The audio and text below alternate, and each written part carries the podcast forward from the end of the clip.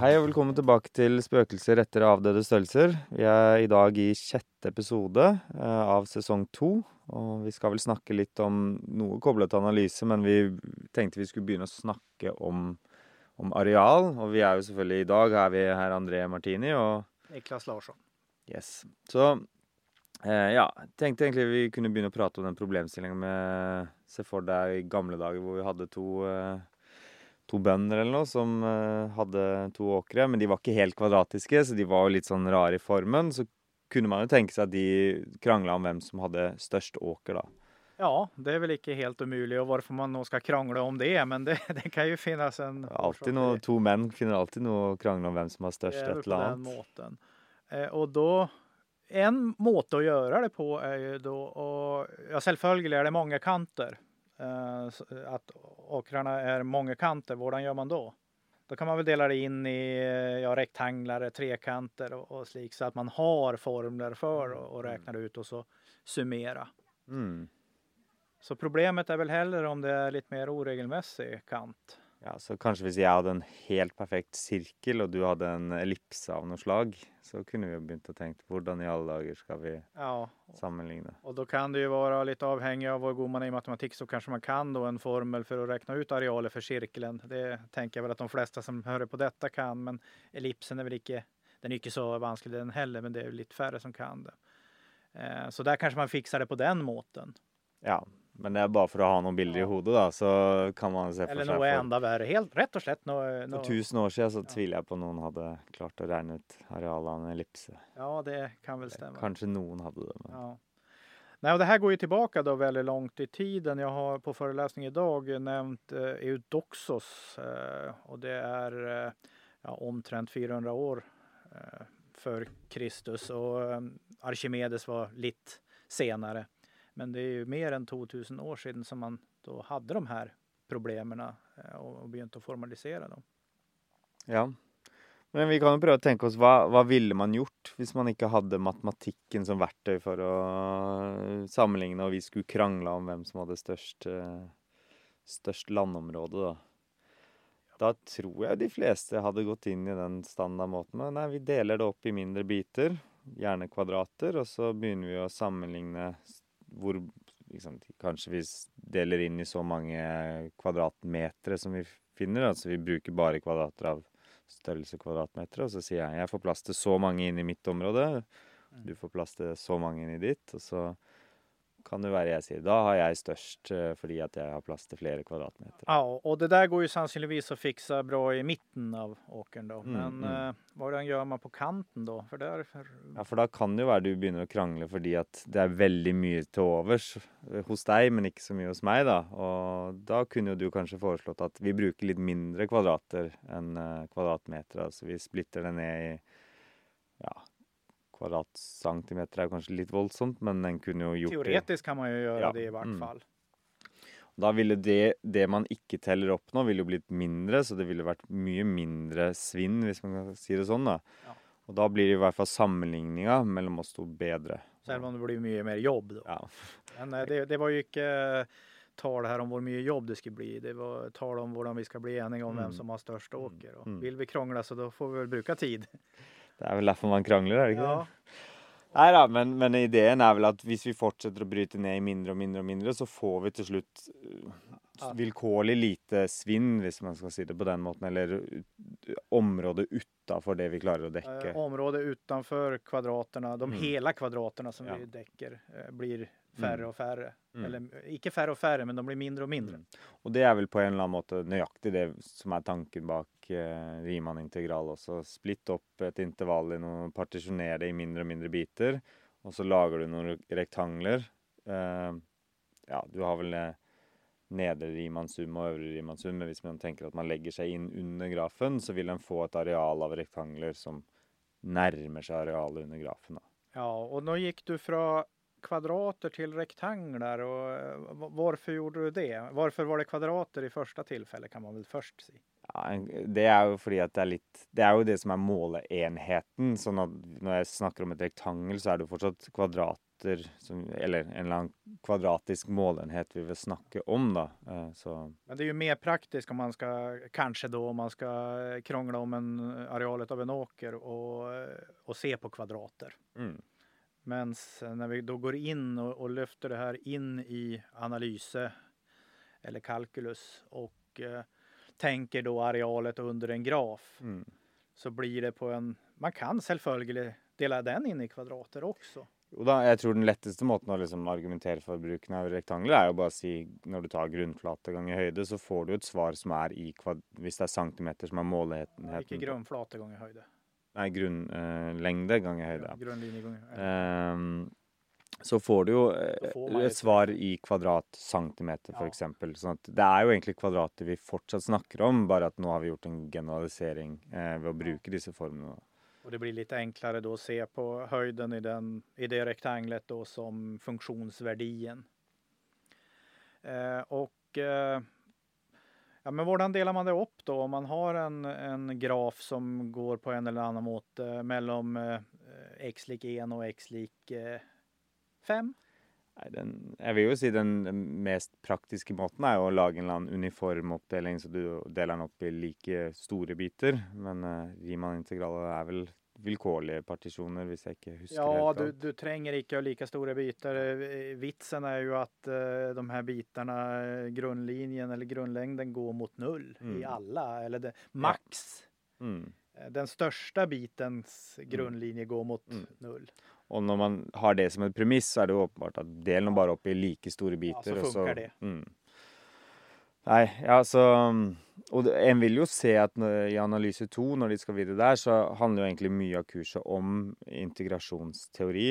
Eh, altså hvordan integrerer vi, og hvordan finner vi disse arealene. Eh, selvfølgelig, det er mer enn bare det, men, men en vil jo se at det, denne ideen med Riemann-integralet kan dyttes videre til å snakke om hvordan kan vi faktisk si det nøyaktige arealet av en slik ellipse eller noe sånt noe, da. Um, Eller något som är mer uregelmässigt. Ja. Men om vi går tillbaka till uh, to, todimensional analyser var ju också det, det som du snackade om där. Men det med en funktion och, och en graf då, Mm. det som hör till analys 1. Du snackade om eh, övre sum och nedre sum eller oversum och undersum kan man också kalla det. Det är Mm. samma sak. Va, vad är vitsen med, med dem? Ja, det det, det første er vel bare det at hvis du skal ha et eller annet entydig areal under den grafen, så bør det vel i hvert fall være sånn at den nedre summen når du splitter opp finere og finere, går mot eh, den øvre summen, så du skviser inn og får et areal. Vi brukar i vart intervall brukar vi rätt och slätt, eh, alltså funktionen då eller grafen varierar i det intervallet och då brukar vi den största värdin eh, och lagar ett rektangel och den minsta värdin och lagar ett rektangel. Eh, och då får vi ett för stort rektangel och ett för lite rektangel, Mm. sannsynligvis i vart fall. Mm. Eh, och sannheten ligger mellan dem. Mm. At da vet du alltid at det ekte integral- eller arealet under grafen ligger, er alltid mindre enn eh, den øvre Riemann-summen, og det er alltid større enn den nedre Riemann-summen. Eh, man kan ju, jag, jag syns ju det ger god mening det här med eh, oversum och undersum och, och tänka rektanglar. Men man kan ju, ska man göra det här mer i praxis utan att tänka eh, eh, att det konvergerar mot integral, då kan man ju laga ett trapes eller något annat som bättre passar till grafen. Eh, men teoretiskt för att resonera sig fram till integral så tänker jag det passar väldigt Mm. gott med kvadrater. Ja, og det, det spennende som kanskje man Eller rektanglar, sorry, icke kvadrater. Det er jo en sånn spennende tanke bak det hele med, med dette med integralet. Det er jo denne måten å si hvor stort dette eh, greiene under grafen er, er jo Det fins jo andre måter å gjøre det på.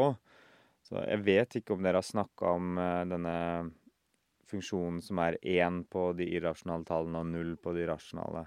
Nei, den, eh, det är väl eh, eh, icke något som hører til eh, analyse 1 her. Nei, men en kan jo veldig fort, hvis en tenker én på de irrasjonale, null på de rasjonale Hvis du nå gjør en part fra null til én, så Ja. bare på en- enhetsintervallet eh, Hvis du prøver å snakke om eh, øvre Riemann-summer og nedre Riemann-summer nå, så vil du jo alltid ha et irrasjonalt tall inne i et, en partisjon. Och ett rationalt tal. Mm, og et rasjonalt tall, så den øvre summen vil alltid være én.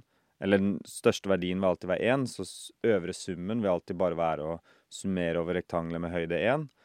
Og den nedre summen vil være å summere over rektanglet med høyde 0. Så du vil aldri få at den øvre summen og den nedre summen skvises inn til et Nej, oavhängig av vilken partition, Mm. om vi delar upp det här intervallet från 0 till 1 på 10 upphöjt till 45 Mm. eh, så spelar det ingen roll. På det väldigt, väldigt korta intervallet så finns Mm. det likaväl både irrationale Mm. och eh, rationale tal. Så övre summen eh, eller största värdi blir 1 och minsta värdi blir 0. Så det, det konvergerar aldrig.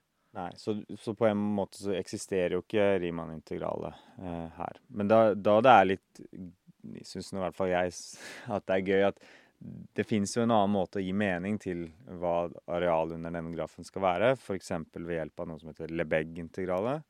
Og da viser det seg at eh, arealet, hvis man skal si det sånn, under den grafen er én, da.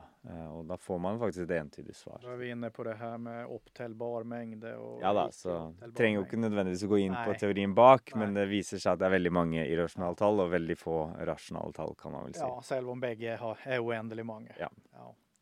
Eh, och det, vitsen med att ta upp det här eh, också i analys 1, själv om Micke har gjort det på föreläsning, kan ju vara att peka på att det alltså det Riemann-integralet som vi då jobbar med i analys 1, det, den funkar icke alltid. Nei. Eh, så det, det kan vara en orsak. Mm, og så er Ja, det er jo litt også fordi at de, noen kommer nok til å møte Lebesgue-integralet seinere i løpet. Senere, ja. Eh, så greit å vite at måten vi velger å definere hvordan vi måler eh, et areal under en graf, det er jo noe vi har valgt. Det er, vi har på en måte valgt at vi skal tenke på det som Riemann-integralet. Men, Ja, vi, men den måten å måle på funker jo da ikke alltid. ja, det är ju viktigt det här att vi definierar arealet Mm. som integralet. Mm, mm. Sen kan man väl på en måte då, om man ska ha någon födelse för det här, säga att ja men det är väl också arealet, men Mm, det är mm. trots allt en definition. Eh, Du var inne på eh, analyset 2. Jag har ju, jag har ju tagit eh, omtrent det eh, faget själv då och, och analyser 3 och 4 och 5 också kanske. Men eh, jag har ju inte haft det här på UA varken som student eller lärare. Eh, och det har väl inte du heller för det är en ny analyser 2. men men du, var inne på det med ellipser. Så vad, vad tänker du sker i analyser 2? Nei, nå skal jeg jo ikke si Eller at har jeg skett då i kalkylus 2 om vi Ja. ser tillbaka där du är lite mer känt med det. Ja, så eh, dette med, med Riemanns summer, så er det jo snakk om en eller annen sum som på en måte skal Du skal egentlig til slutt ta uendelig Summere uendelig antall greier. Sånn veldig svevende forklart, da. Eh, og så, så én ting som gjøres der, er jo å gi mening til hva er Går det an å summere uendelig mange ting sammen og få et meningsfullt svar? Så det er litt sånn i teori rundt det. Og så er det jo dette med Gå mye dypere inn på integrasjonsteorien, som vi ikke toucher så hardt innpå her i analyse 1, da. Så det blir eh, eh, Ja. Det, det blir nok en god del eh, krevende ting rundt Og man kan se hvor dypt man kan grave seg ned i integrasjonsteori, kan man vel si. Vi har jo snakka veldig mye om derivasjon. Og så blir, man, blir det jo litt å se på den andre sida av saken, som er integrasjon, da. Eh, Och så har vi ju då, om vi går tillbaka till analys 1, självfölj, eh, själv om det självföljande är eh, viktigt också i analys 2, så har vi ju då det här analysens fundamentalteorem som kopplar ihop två helt olika ting. Ja, den magiske biten av Ja. kalkulus, er det det man skal si? Jo, det är, väl, det är väl därför det är fundamentalteoremet Mm, mm, också. mm. Att den här summeringen av eh, rektanglar så, och dela upp i mindre och mindre enheter så att det blir flera och flera rektanglar och två arealer som konvergerar mot varandra och till ett integral. Eh, det går alltså att koppla samman med antiderivation, Mm, mm. primitiv funktion om man brukar det begreppet. Mm. Det er jo kanskje litt derfor vi også eh, har hengt oss opp i at det er kontinuerlige funksjoner vi ser på, at det er de som er interessante å se på. Det er jo litt den sammenhengen Mm. med analysens fundamentalteorem som kobler veldig mye sammen. da. Så vi kan rätt och slett eh, räkna ut integraler med hjälp av antiderivert eh, istället för att gå på det här med Riemannsum och partition och Mm, allt eh, som är väldigt slitsamt självföljligt. Ja. Kunne jo aldri gjort det for hånd, men det er vel en spennende ting å sikkert programmere for de som En, Det finns väl en del uppgifter i boken så, där man gör det för hand eh, på väldigt enkla funktioner och ser då att eh, ja, men la vi en, alltså antalet eh, rektanglar då, eh, går mot oändligheten så kommer det här till att konvergera mot ett eller Ja annat. Altså typ X i andre er vel Ja. et godt eksempel. Men da får, man jo også kjenne til denne Hva er summen av kvadrattallene? At Ja. den er noe Hva er vel det N ganger N pluss 1 ganger 2 M pluss 1 delt på 6 eller et eller annet sånt. Ja. en sånn der er veldig Du vet ikke den hvis ikke du har sett den før, på en måte. Så da er den jo fortsatt vanskelig å regne ut for hånd. Ja. Med mindre du kjenner til noen andre formler. Men sån är det ju alltid i matematiken Ja att eh, har man icke någon bakgrundskunskap så ja, har man manglande bakgrundskunskap så blir det vanskligare. Ja. Eh, så den och, och känna till den som en i andra plus två i andra plus tre i andra plus fyra i andra upp till ett visst en i andra. Att det finns en formel för det, det är ju en nödvändig kunskap Mm, mm. som kanske icke alla har. Men det finns ju en, ett teorem eh, om, i delkapitlet om summationstecknet som tar upp då ett par exempel där och bland annat den formelen. Då. Mm. Den tar också upp det sum av eh, naturliga tal då, en Mm. gånger en plus en del på to. Det så det här är ju en konsekvens av den kan man säga. Det, det blir jo litt avsporing nå, da, men jeg syns det er veldig gøy at summen av ikke sant, de n første naturlige tallene er jo n ganger n pluss n delt på to. Og så tar du, hvis jeg ikke husker feil nå, da, hvis du tar én i tredje pluss to i tredje pluss tre i tredje, så får du n ganger n pluss n delt på to. Alt det oppi det annen. Ja, den Så- är jag icke känt men jag kan, kan väl testa den och se den. Men eh, Jeg er ganske sikker på at det, det er i hvert fall én av disse som, som blir kvadrattallene bare opphøyd i annen, som er veldig fascinerende at det er en sånn sammenheng. da. Men analysens fundamentalteorem, det har man ju alltså väldigt mycket bruk av när man ska jobba med det här i, i praxis. Men har man då en funktion som man icke känt med funktionsuttrycket, eh, rätt och slätt bara en graf. Eh, X i tredje plus cosinus 2x i andra eller något sånt, och så tror jag jag skulle slita med att pröva att laga något eh, areal för hand där. ja, eh, det tänker jag. Men jag tänker också en funktion där man icke känner, eh, ja, man icke vet att det är det funktionsuttrycket. Då må man ju, om man ska räkna ut arealer, så må man ju göra ett eller annat då med, med en indelning i kvadrater eller rektanglar. Eller. Ja. Eh, Eller icke. Och så har vi ju en del funktioner där vi rätt och slett icke kan finna antideriverat. Eller vi kan icke finna ett uttryck för den Ja, antideriverade. elementært uttrykk er vel det man sier. da. Jag tog ett slikt exempel på eh, föreläsningen E upphöjt i x i an. Ja, det er vel typisk den Bell-kurven, eksempel. Um, Ja, Fordelinga er vel normalfördelning, ja. Eh, men E upphöjt i x i an är ju en klassisk då. Det blir ju en väldigt pen kurva och den är inte så vansklig att tegna heller. Ja, det är självföljande. Man ska ju räkna ut då E upphöjt i en massa tall, men det har man räknat kalkylator eller något slikt så funkar ju det. mm. Men trots att det blir en väldigt pen graf så, så kan vi då icke finna ett integral eller ett areal under den grafen med hjälp av primitiv funktion för det att vi icke kan uttrycka antideriverat Mm. till den. Mm. Det finns väl någon sin x delt på x är väl en slik också som icke går att uttrycka. Det tror jeg stemmer. ja. Eh, vi kan icke uttrycka antideriverat med elementära funktioner, själv om den antideriverta existerar. Mm. Lite eh, filosofiskt där kanske. ja. Har du något mer att säga om eh, integration? För, för det ser som att vi har fått Ja, del tror jeg har prata godt. Ja, jag tror också det har pratat gott. Så vi tar väl och stoppar den här Ja. episoden och ser Mm. när vi kommer tillbaka. Det vet man aldrig. Men eh, det kan bli en gång till. Yes. Så ha det så bra. Ha det bra.